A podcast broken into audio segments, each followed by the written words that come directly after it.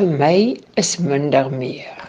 As ek nou dink toe ons op die plaas was, ek het vir my man gesê toe toe hy my vra om te trou.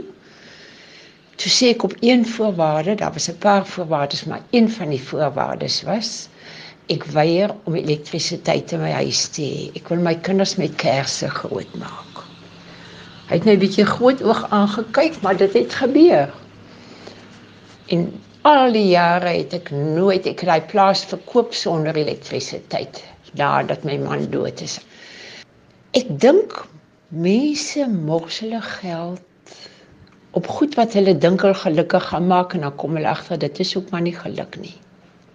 Miskien het my man se weggaan met dit iets te doen. Dat jy net agterkom jy sit in al die wêrelde en tog beteken dit niks. Ek dink nogal dit kan 'n groot invloed hê op my besluit. Ek weet nie. Maar jare gelede het ons werkers op die plaas gehad, 'n swart vrou en haar man wat daar gekom het met 'n skoendoos onder die blad en daarin was al hulle besittings. Sy het in my gedagtes gebly. Ek het gewens ek kon lewe soos wat Poppy lewe. Ek wou vir haar goed koop. Dan sê sy nee mevrou, ek soek dit nie. Sy wou nooit iets hê nie. Dan sê ek vir haar, maar jy gaan nie betaal hiervoor nie. Kom ek koop vir jou 6 bekers of 6 teelepels.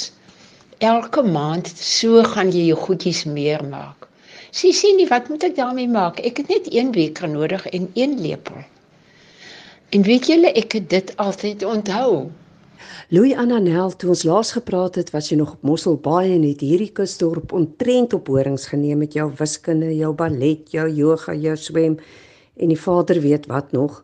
Maar jy het baie luks daar gelewe en nou het jy Kaap toe getrek na 'n woonstel en nou wonder 'n mens, kry jy regtig reg om soos Poppy te lewe. Dit klink so. Ek het 'n koffiebeker en 'n bord en 'n klein bordjie en 'n puddingbak en 'n bietjie groter bak wat ek sommer soos 'n papbak noem. Ek het 'n glas en ek het nie 'n bed nie, ek het nie 'n stoel nie. Ek het so 'n hout verhoogie van seker so 5 duim, sê 10 cm hoog wat ek vir my laat maak het en daarop slaap ek in 'n slaapsak Want wat wil ek met 'n matras en 'n bed en 'n hele stellasie maak? Ek het by Cape Union Mart vir my 'n medium dikte slaapsak gekoop. En dan het hulle sloopies wat jy binne insit. Ek het vir my twee lakens gekoop, so sloopies. En dis heerlik. Wasdag, dan spoel ek daai sloopie uit binne 15 minute is hy droog, dan staan tannies met groot dubbelbed lakens en duvet covers en my grondsloopie wy daar op die draad binne 15 minute haal ek kom af. Ek rol my slaapsak op vir oggend en vanaand gooi ek hom weer op die voegie. En as mense inkom dan sê hulle vir my, "Maar waar kan ek sit?" Dan sê ek wel, "Dis jou keuse of op die tafel of op die grond." Want op die voegie lê 'n klomp lekker kussings. Hoekom wil jy stoel sit op 'n kussing? Nou sê iemand vir my, "Maar ek gaan nie opkom nie." Dis nie skande om nie te kan opkom nie. Ek kon nie opkom nie. Ek sê vir haar ek het hierdie tafel omtrent omgetrek om op te kom aan die begin. Nou staan ek op sonder om aan iets hou vas. Dit wys jou hoe jou maagspiere sterker word en ek kom elke oggend makliker op. So 'n mens hou jou liggaam fiks deur so plat te lewe. Ja, deur so plat te lewe, dit is dan moet 'n mens baie meer soepel wees. Maar jy het vroeër nou ook gesê jy's 'n vegan en dit is omdat jy so erge reumatiek het. Sou jou die ete rol gespeel het in jou besittinglose lewensbeskouing of wonder ek nou te diep oor al die dinge? As ek nie vegan geëet het nie, sou ek nooit hierdie lewe kon doen nie. Nee, ek het te veel gepyn. Ek was so on kan nie sê onfiks nie, maar so vol pyne. Ek sou nie dit maklik gedoen het nie. Maar nou, ag nee man, dit is net 'n fees en elke dag sien ek net hoe my maagspiere sterker word. Vanoggend toe ek gaan sit om om water te drink. Toe wil ek eers op die verhoogie sit. Toe dink ek, hoekom wil jy op die verhoogie sit net dat jy makliker kan opkom? Gaan sit plat op die grond. Ek dink die vegan eet het 'n groot rol gespeel om hierdie ding vir my makliker aanpasbaar te maak. Die behoefte om so te lewe was my lewe lank by my. Maar my man het nou gedink my kop werk as ek as ek sê ons moet minder goed hê. En met 'n gesin is dit seker moeilik alhoewel ek dink dit is so moeilik hè. Maar ek dink nog hulle mens kan baie goed op sy skuwe en platter lewe.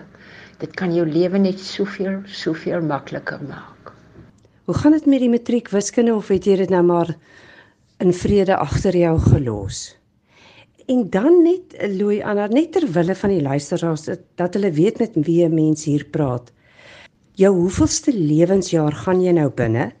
En dan ook jy het ook verskeie tuinbouboeke geskryf. Moenie nog praat van my wiskunde nie. Dis nog al 'n teerpunt.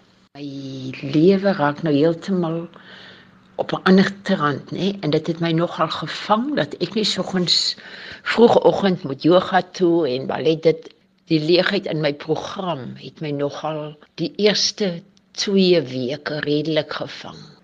Ek het gedink nou wat gaan ek doen bedags? Maar ewe skielik het ek besef hoor ek om met my voete in die see te stap is vir my lekkerder as om te ballet of enigiets. Nou ek doen nog elke oggend my yoga so vir 'n halfuur by myself. Op YouTube is baie baie oulike programme. Ek het ook 'n ander stel oefeninge wat ek na dit doen. So my oefeninge raak elke oggend gedoen vroegoggend.